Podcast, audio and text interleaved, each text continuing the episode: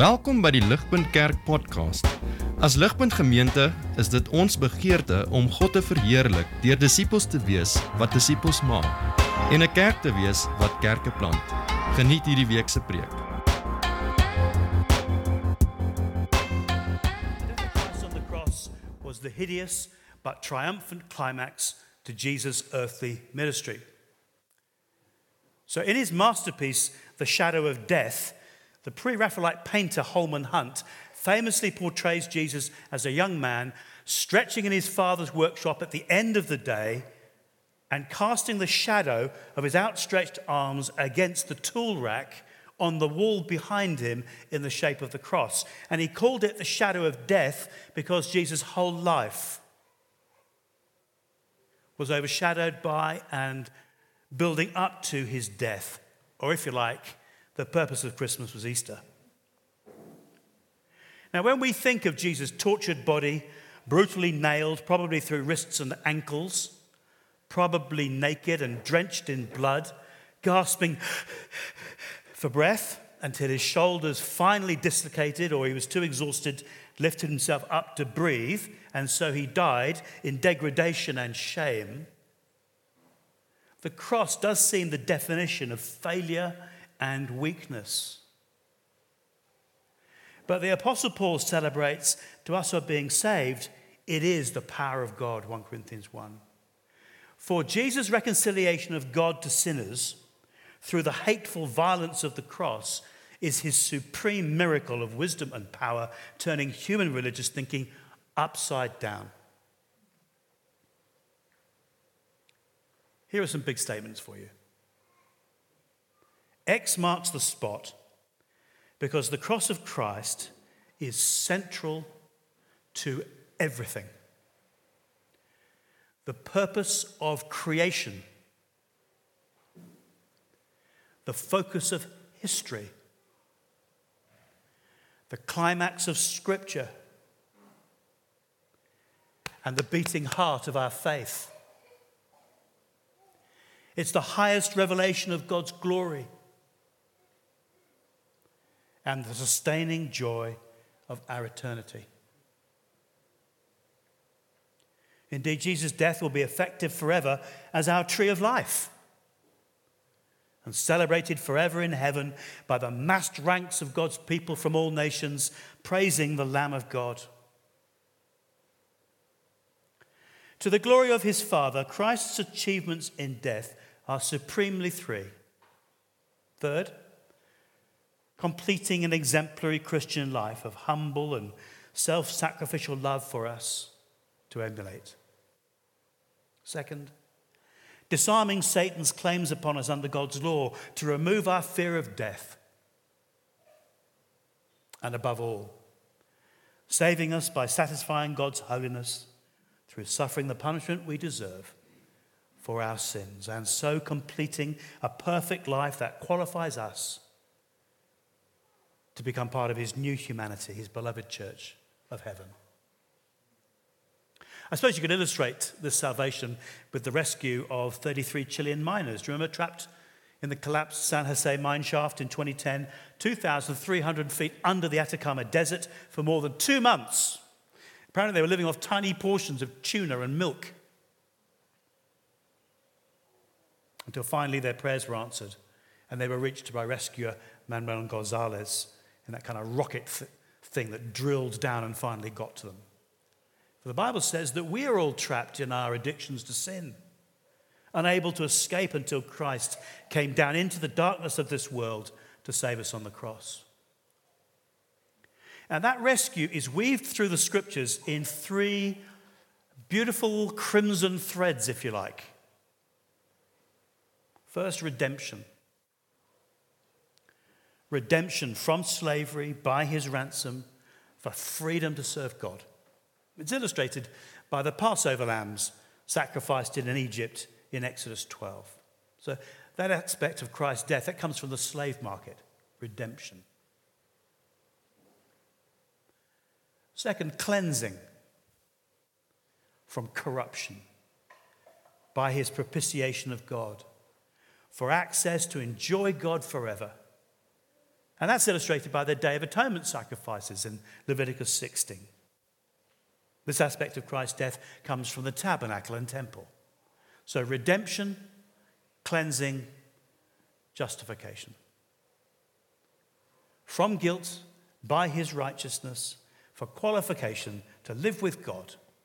And it's illustrated by the suffering servant sacrifice in Isaiah 53. And this aspect of Christ's death comes from the law court.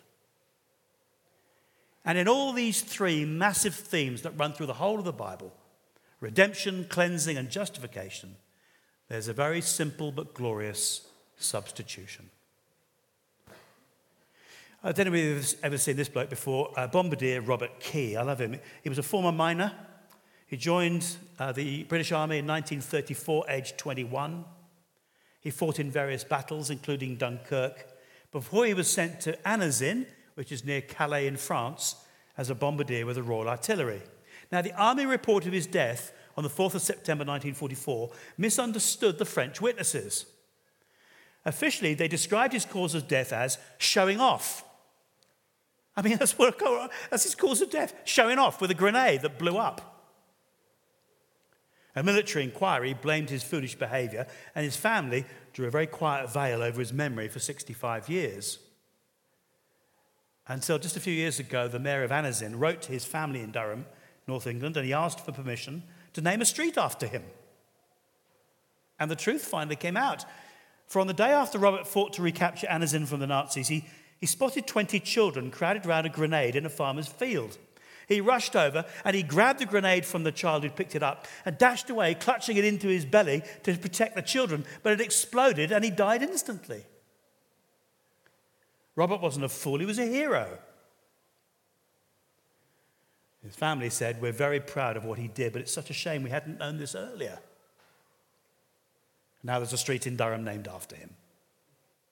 And this tragic misunderstanding reminds me of Jesus, so often misunderstood by people. For he took the blast of the judgment we deserve so that we never have to because he loves us.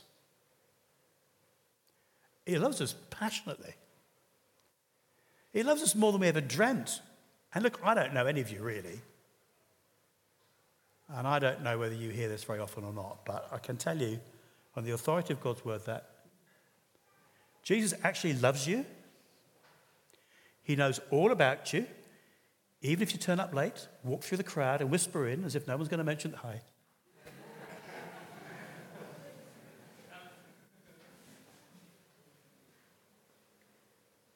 He knows how broken and filthy we are. And yet He loves you. He loves you.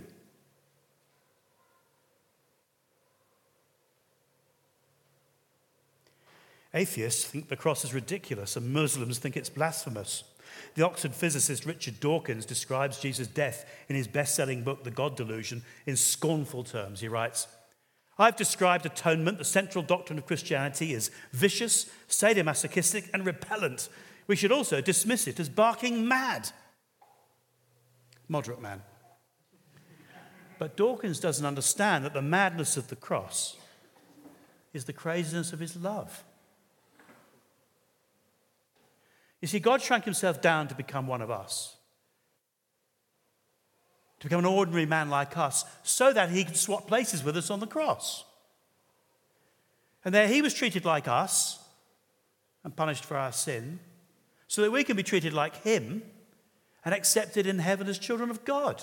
I mean, how good is that? It's been said that for God to allow such a sacrifice is grace. For God to provide such a sacrifice is amazing grace. For God to become such a sacrifice his grace beyond our understanding. Now, this crucifixion of Jesus, I finally get to it, is narrated by Luke in three dramatic sections in our reading. So I'm just going to work through it with you. First of all, Jesus warned of the wrath to come, and that is verses 26 to 31. Jesus warned of the wrath to come. Verse 26 says, As the soldiers led him away, they seized Simon from Cyrene Apparently, that's in Libya. who was on his way in from the country, and they put the cross on him and made him carry it behind Jesus. Presumably, Jesus was so exhausted from the brutal beatings that he couldn't carry the heavy crossbeam. Verse 27 A large number of people followed him, including women who mourned and wailed out loud for him. Verse 28 Jesus turned and said to them, Daughters of Jerusalem, don't weep for me. Weep for yourselves and for your children. Okay, so there. So Luke's focus here is this conversation between Jesus and some women in the crowd who, as predicted by the prophet Zechariah, were mourning for him. And with amazing compassion, considering his own suffering, and with his characteristic tenderness towards women, Jesus redirects their sorrow away from himself with a solemn warning in verse 29. He says, For the time will come when you will say, Blessed are the childless women, the wombs that never bore, and the breast that never nursed. Then they will say to the mountains, Fall on us, and to the hills, cover us. He's quoting Hosea 10. In other words, days of such horror are coming that mothers will wish they had no children and cry out for a quick death. And then he explains it with a slightly complicated comparison. Verse 31, he says, For if people do these things when the tree is green, what will happen when it's dry? Okay, let's explain that. The Old Testament often speaks of Israel as a vine tree. Jesus compares a vine that's green, that is well watered and healthy, with a tree that's dry, that's dying for lack of water. And Jesus is talking about what's coming. Not just when the Romans come to destroy Jerusalem in AD 70, but ultimately when God comes to ju- judge the living and the dead. Jesus saying, if you think this judgment upon sin in me, that is in Jesus, who represents us as our living vine, implemented by Jewish hatred and Gentile cruelty, if you think this is dreadful, wait till you see God's wrath upon sinners on the day of judgment. If you think this is terrible, there's something much worse that's coming. As when we, Jesus wept for Jerusalem and warned of its desolation in chapters 19 and 21, this prediction of horror did come true initially when the Roman legions besieged Jerusalem. The famine was so terrible, mothers ate their own children, and the roads were lined with crucified men, women, and children. It was appalling. But Jesus' warning points beyond Jerusalem and beyond the violence of the war in Ukraine and to God's judgment, to coming judgment of the world. For in parallel to his warnings, Jesus repeatedly warned that he himself would return to judge all nations, that he will bring eternal joy to all who turn from sin to follow him, but eternal torment on all those who reject him. A torment he elsewhere, this is Jesus speaking, he describes it as anguish in this flame in Luke 16. Now, look, God isn't cruel. He hasn't built an oven to roast people. But his holiness is so pure, like a consuming fire, that arriving filthy in his presence is like arriving naked on the surface of the sun. He is so pure, and we are so impure. Jesus says, You do not want to arrive in my presence unforgiven. That's why Revelation 6 later repeats these words of Jesus from Hosea, describing the unforgiven, calling on the mountains, Fall on us, hide us from the wrath of the Lamb. Jesus is lovingly warning these women not to focus on his horror on the cross. You know, don't go around wearing crucifixes, trying to focus on how terrible Jesus' death was. Think about the wrath to come. How do we respond to that? I think the obvious thing is we have to find a way to warn others of the wrath to come. We need to weep and cry out in prayer for the lost around us. I, once arrived at our church. We, we bought a factory um, and used it as a church building. It's a bit like this, this room, actually. Not so hot, I have to say, but um, you don't need fan. Well, actually, it was hot. Anyway, I remember um, we had a Korean congregation, and um, I was uh, brought along to say a word of greeting to the Koreans. When I arrived, the place was absolutely rammed full of Koreans.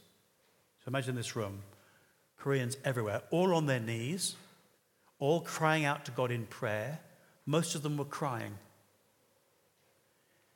And I thought was, I was feeling a bit scornful of all this show of emotion.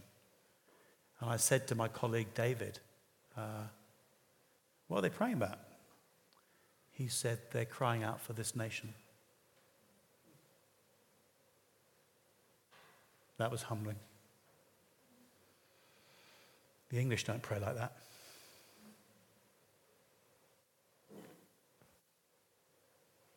Jesus says, Weep in prayer for the unsaved. We have to find a loving way to warn unbelievers of the wrath to come, which we too have deserved.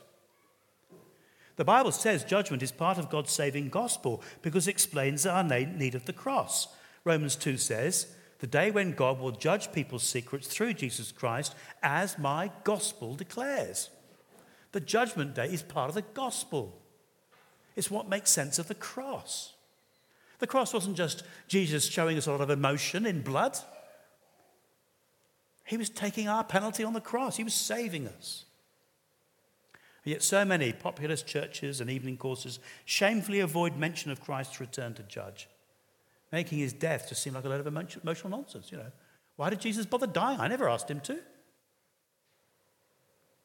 By contrast, the great Welsh preacher Martyn Lloyd-Jones declared, I love this, you like this. I can't do it in the Welsh accent, but I'm going to read it to you anyway. I'm not afraid of being charged, as I frequently am, with trying to frighten you, for I am definitely trying to do so. If the wondrous love of God in Christ Jesus and the hope of glory is not sufficient to attract you, then, such is the value I attach to the worth of your soul, I will do my utmost to alarm you with the sight of the terrors of hell. In other words, without being unwisely hasty or self righteous, or using medieval language that nobody uses these days. We have to find compassionate ways to warn people of judgment. And I think the best way to do that is not by condemning people, but by telling our story. You know, something like, I don't know about you, but I now realize I'm in serious trouble with God. I've realized I'm in serious trouble for the way I've treated Him, the way I treat other people. I don't know about you, but I'm so selfish, I'm so self centered. I have realized I'm in serious trouble and I need a Savior. In other words, when we share our own story, people say, Oh, well, me too. In our concern to alleviate the temporary sufferings of this world, terrible though they are, and we should try, let's not neglect the relief of eternal suffering through evangelism. In other words, the way we say it is we want to love people in every way we can, especially with the gospel that warns of judgment and proclaims the Savior who loves us so much, he suffered the wrath we deserve on a cross. You may know in 2017, 72 people tragically died in the Grenfell Tower, a block of flats in London, when it went up in flames. And the public inquiry condemned not just the inadequate cladding, but the fire services for failing to warn people to flee while they could. What about us? I mean, you know, if, I've said before while I've been here, if you imagine on your way home, I don't know where you guys live, but imagine the streets, the block where you live, and when you go home from this weekend, and imagine you're walking home, let's say it's got dark, and uh, as you're walking past one of the flats, just imagine one of them, I don't know, where you live, and you're looking through the window, and you can see that someone's dropped a cigarette or something because the flames, the curtains are on fire, or um, you don't have curtains, do you? You do have curtains? Anyway, something's on fire. and the sofa's on fire, something like that. And, and you can see what's happened. There's a bunch of tricycles everywhere. There's a young family, obviously gone to sleep upstairs. And I mean, what do you do? The house is on fire. Oh, uh, it's, it's, really late. I, that English bloke, he went on so long, I need my bed, I need to get home. Somebody else will do it, will deal with it. I'm sure, I'm sure somebody else has seen it. I, I do loads of things at church. I, I, you know,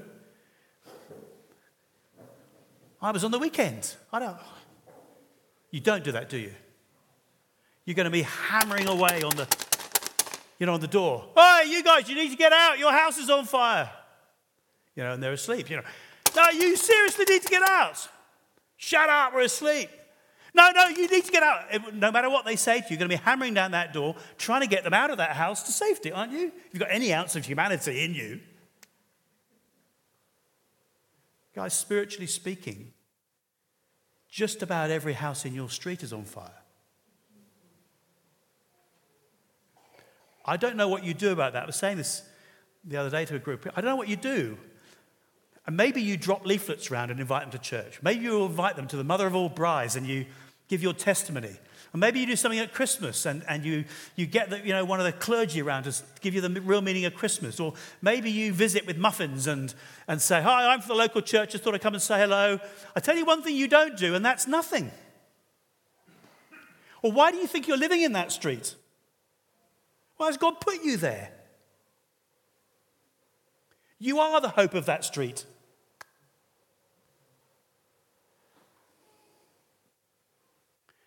We've got to love people enough to find a way as a church and as individuals to warn people of the wrath to come. Because Jesus says, if you think this is bad, wait till you see when I come back. Well, that's the first thing. Jesus warned of the wrath to come. And we've got to find a way of doing the same thing ourselves.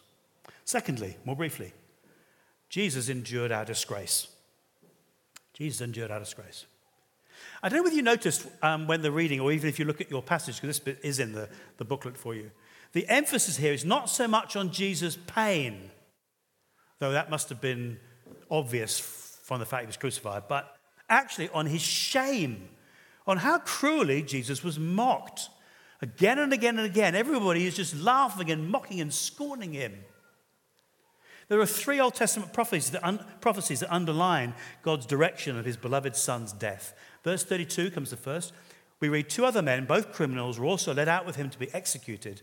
When they came to the place called the skull, and um, people think that this, um, oh, you can't see the picture, uh, people think that um, there's a hill with like carved out just by the garden tomb where the bus station is, may be the hill because it does look like a skull.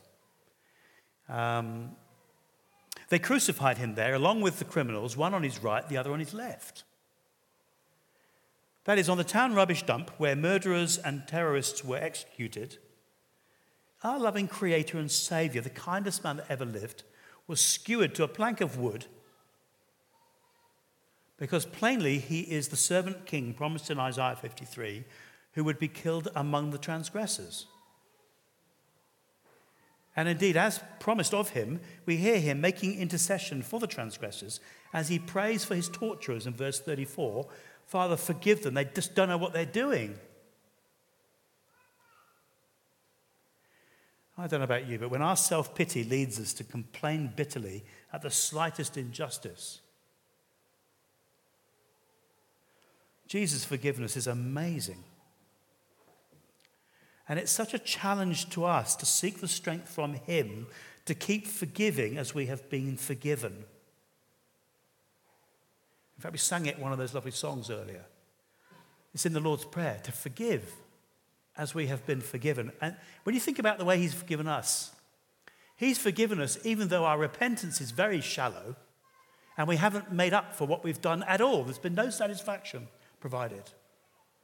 Now, in our culture in the UK, I don't really know what it's like here, but in the UK at the moment, there's an awful lot of self righteous cancellation and condemnation. You know, whistleblowing is the, new, is the new hero. So we're all busy shooting everyone. And there's division and anger, and there's just there's almost no forgiveness, there's no mercy. And this is a place where we as Christians can be distinctive distinctive. To forgive other people as we have been forgiven. You know, when they show some repentance, even though it's pathetic, we forgive them and treat them as if they hadn't done it. Because that's how we've been forgiven by God.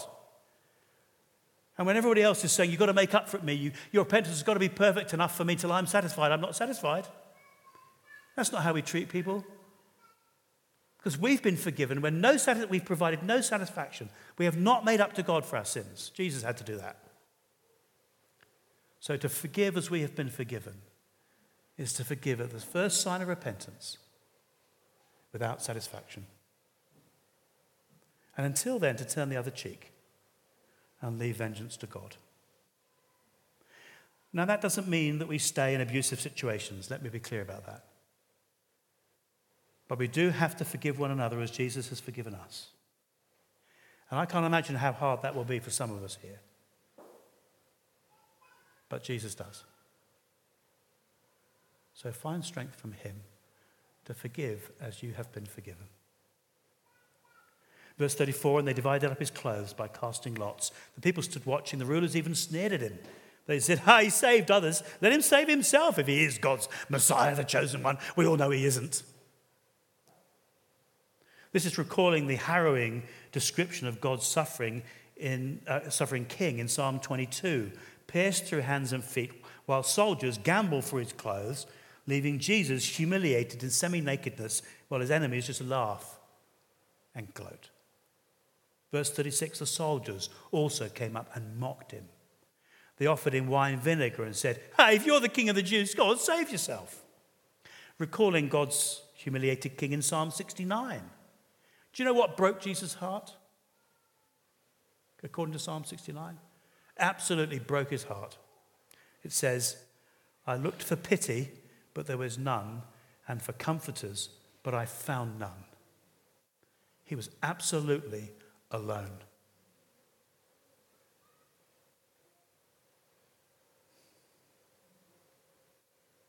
In summary, verse 38, there was a written notice above him which read, this is the King of the Jews.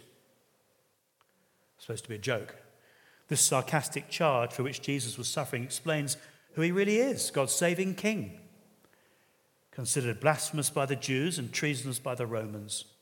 Ironically, it was the first evangelistic tract, for this truly is God's King, victorious in death.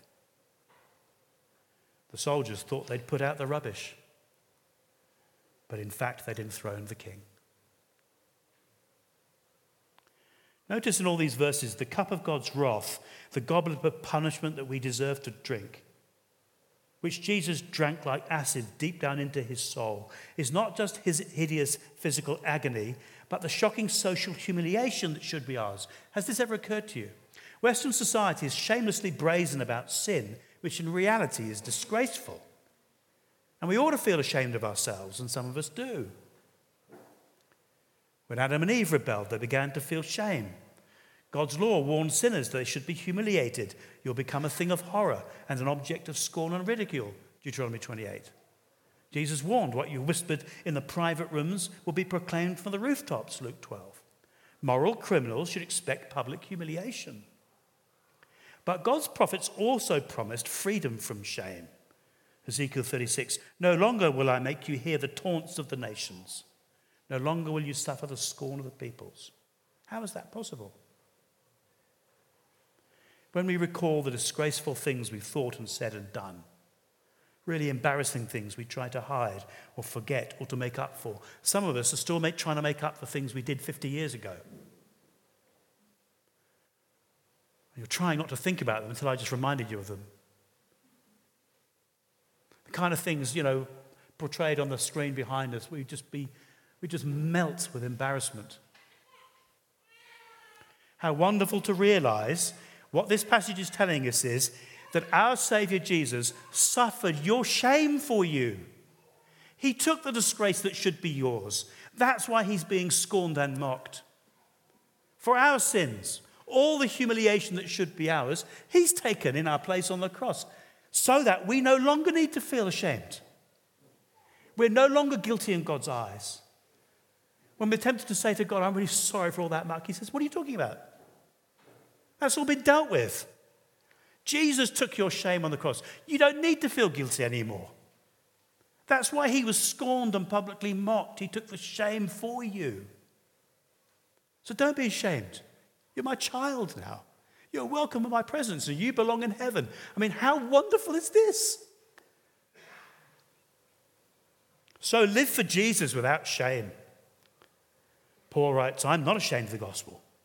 The power for salvation for all who believe. He urges Timothy, don't be ashamed. When calling us to deny ourselves and take up our cross and follow him, Jesus warns us if anyone's ashamed of me and my words in this adulterous generation, the Son of Man will be ashamed of him. So we have to live unashamed of Jesus because he took all our shame on the cross. We have to be open about our faith, even when it's hard to face the mockery. In the UK, our kids are mocked for opposing same sex marriage. Our students are scorned for believing that gender is given.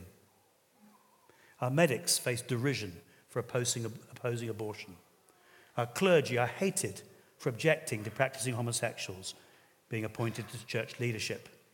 And some of us have lost our jobs for being loyal to God's word in these things.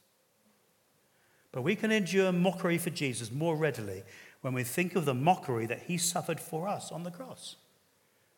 All those shameful things that you think of when I mention those things, they've all been dealt with on the cross, and you never need to feel ashamed. They're not going to be brought up on the day of judgment because he took it on the cross. And of course, such scorn is minor compared with what many endure for Jesus. For example, in northern Nigeria, where I lived as a child for a few years, thousands are being senselessly bombed by Islamic extremists like Boko Haram while the government does little to protect them. I wonder if you remember Leah Sharibu, one of the 110 Christian schoolgirls abducted at gunpoint from their villages in February 2018. Most of her classmates were ultimately released when they renounced Christ. But Leah, as I understand it, remains a hostage and has been forced to bear two children for her captors because, according to the other girls, she refuses to renounce Jesus. What a hero of faith that girl is.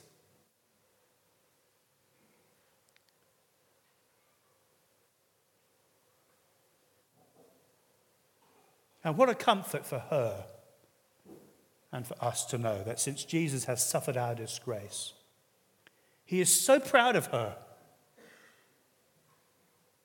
And so proud of you and me when we suffer a bit of scorn for being a Christian.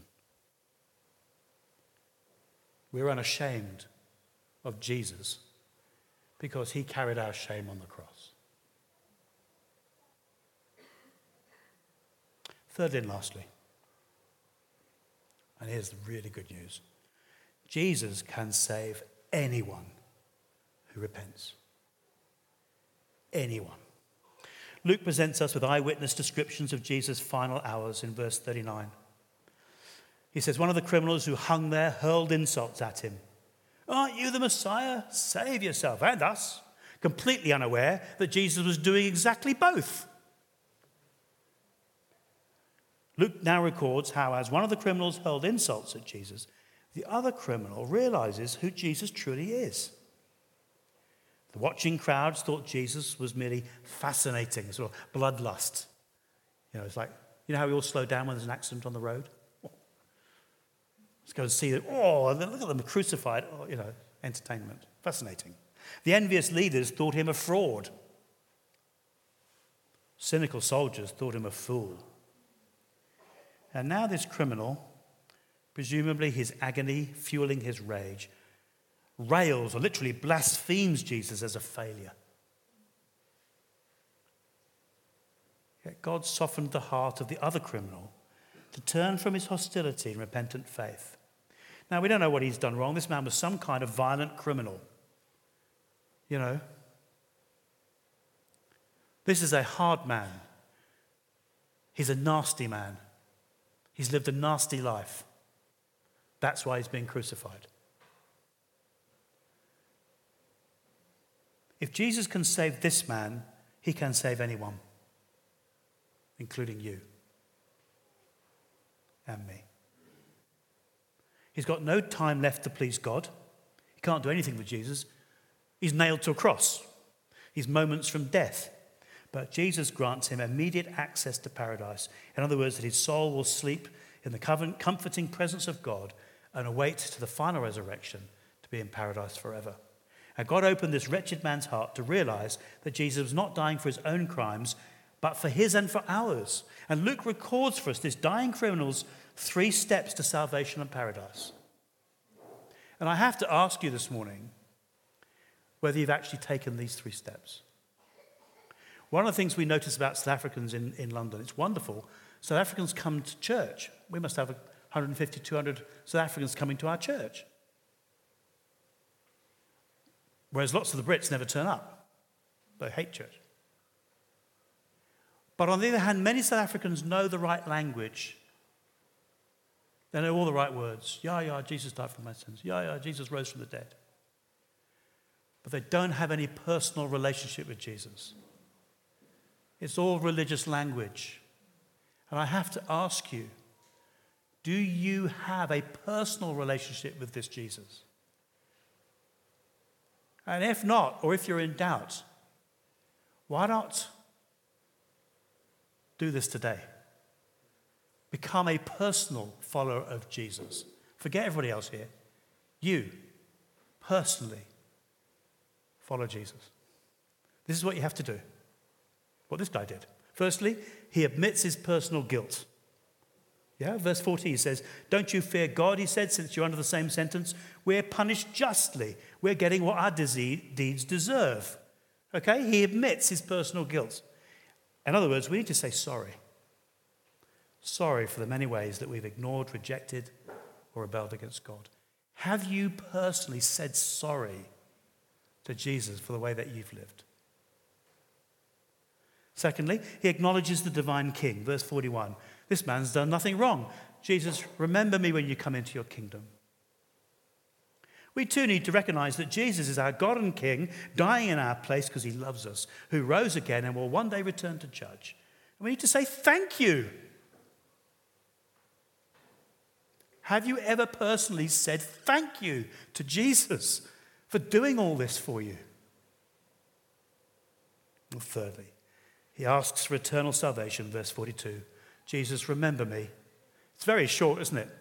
Remember me, please. He asked for a personal relationship with Jesus. Remember me. Nailed to a cross. It's too late to attend church, read his Bible, evangelize his friends, or give generously. He just asks, Jesus, please remember me. Please don't forget me. And we need to ask Jesus to remember us, to forgive us, to let us come to paradise with him. And as we've got to say, please. So when we pray in a moment, I'm going to say, sorry for our sin. Thank you to our King. And please remember me. Why don't you pray that prayer from your heart to the risen Jesus today? And I don't care whether it's the 5,000th time you've done it or the very first time. But don't short arm Jesus. He's done this for you.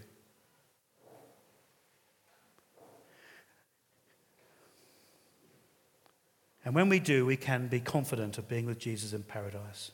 But until it's our turn to die, with, whatever, whatever remains of our time on this earth, let's praise and proclaim Christ and Him crucified, individually and as a church.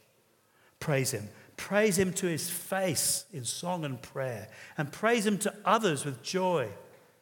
Most people don't really understand what's so good about Jesus. Tell, tell them. Praise Him and proclaim Him. And as I close, for those of us who are committed Christians here, as I said to some other people this week, don't be a clean shirted winger. Do you, do you guys know anything about rugby? Maybe you don't like rugby, it's okay, honestly, it's okay.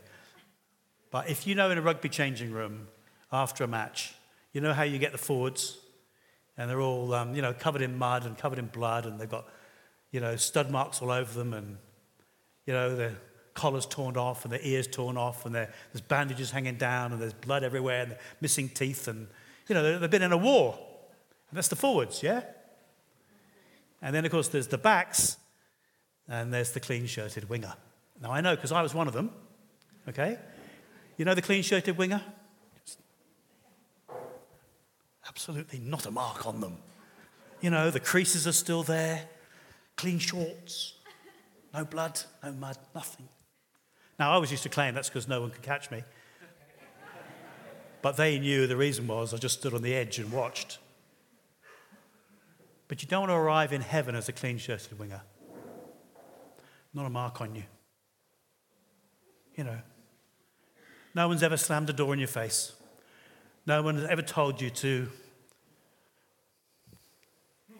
get lost because you never did anything. You don't want to arrive in heaven like that. You know, there's the Nigerians over there, they're covered in blood and mud. They're getting blown up for our faith. There's the North Koreans over there, they're getting steamrolled. Their children are being experimented on because they believe the things we do about Jesus. And there's the Eritreans, they've been locked up in shipping containers to die in the desert for our faith. And there's the Indians, they've been poverty stricken because of their faith. Oh, and then there's this little bunch over here, this who are this clean shirted lot? Oh, that's the Brits in the box. Why do you think we're still here and not in heaven? Why do you think God's extended the end of the world? It's to give more people a chance, the people in your streets, your community, to come to faith.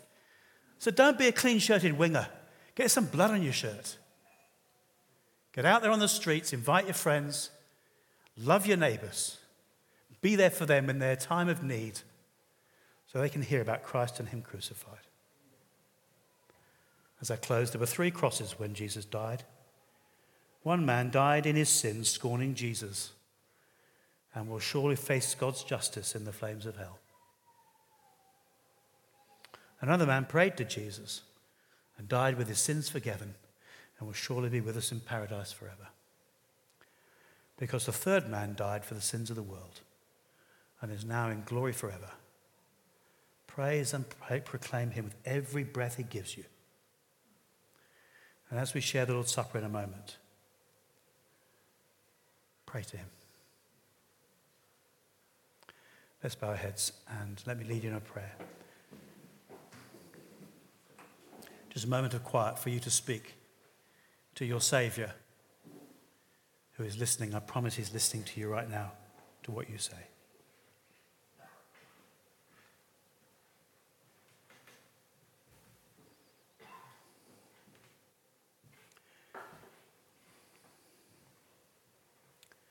Risen Lord Jesus Christ, we thank you and praise you that you have spoken the truth. You've warned us of the wrath to come.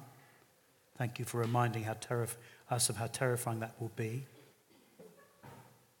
Thank you that you've taken our shame and embarrassment upon yourself. We are ashamed of our sins. How we thank you that you took that shame for us. Help us to be unashamed of you now. And thank you that you can clearly save anyone even people like us. Some of us privileged and shamefully selfish. Others of us, there's carnage and wreckage throughout our lives, and we're so broken. Thank you that you can save even me, even us. And so together we want to say to you now, Lord, three things. Firstly, we are sorry. We are really sorry for the way we've treated you and other people. We're sorry for the things that meant you had to die like this for us on a cross. We want to say thank you for doing it. Thank you for taking the, the pain and the hell and the shame that we deserve in our place on the cross. Thank you. Thank you, Lord Jesus. And please remember me. When you return, remember us. Please forgive us. Help us to turn from our sin, to follow you from now on confident that we're on our way to be with you. And whatever remains of our lives, Lord, please help us to praise you and proclaim you. For we ask it in your name and for your glory. Amen.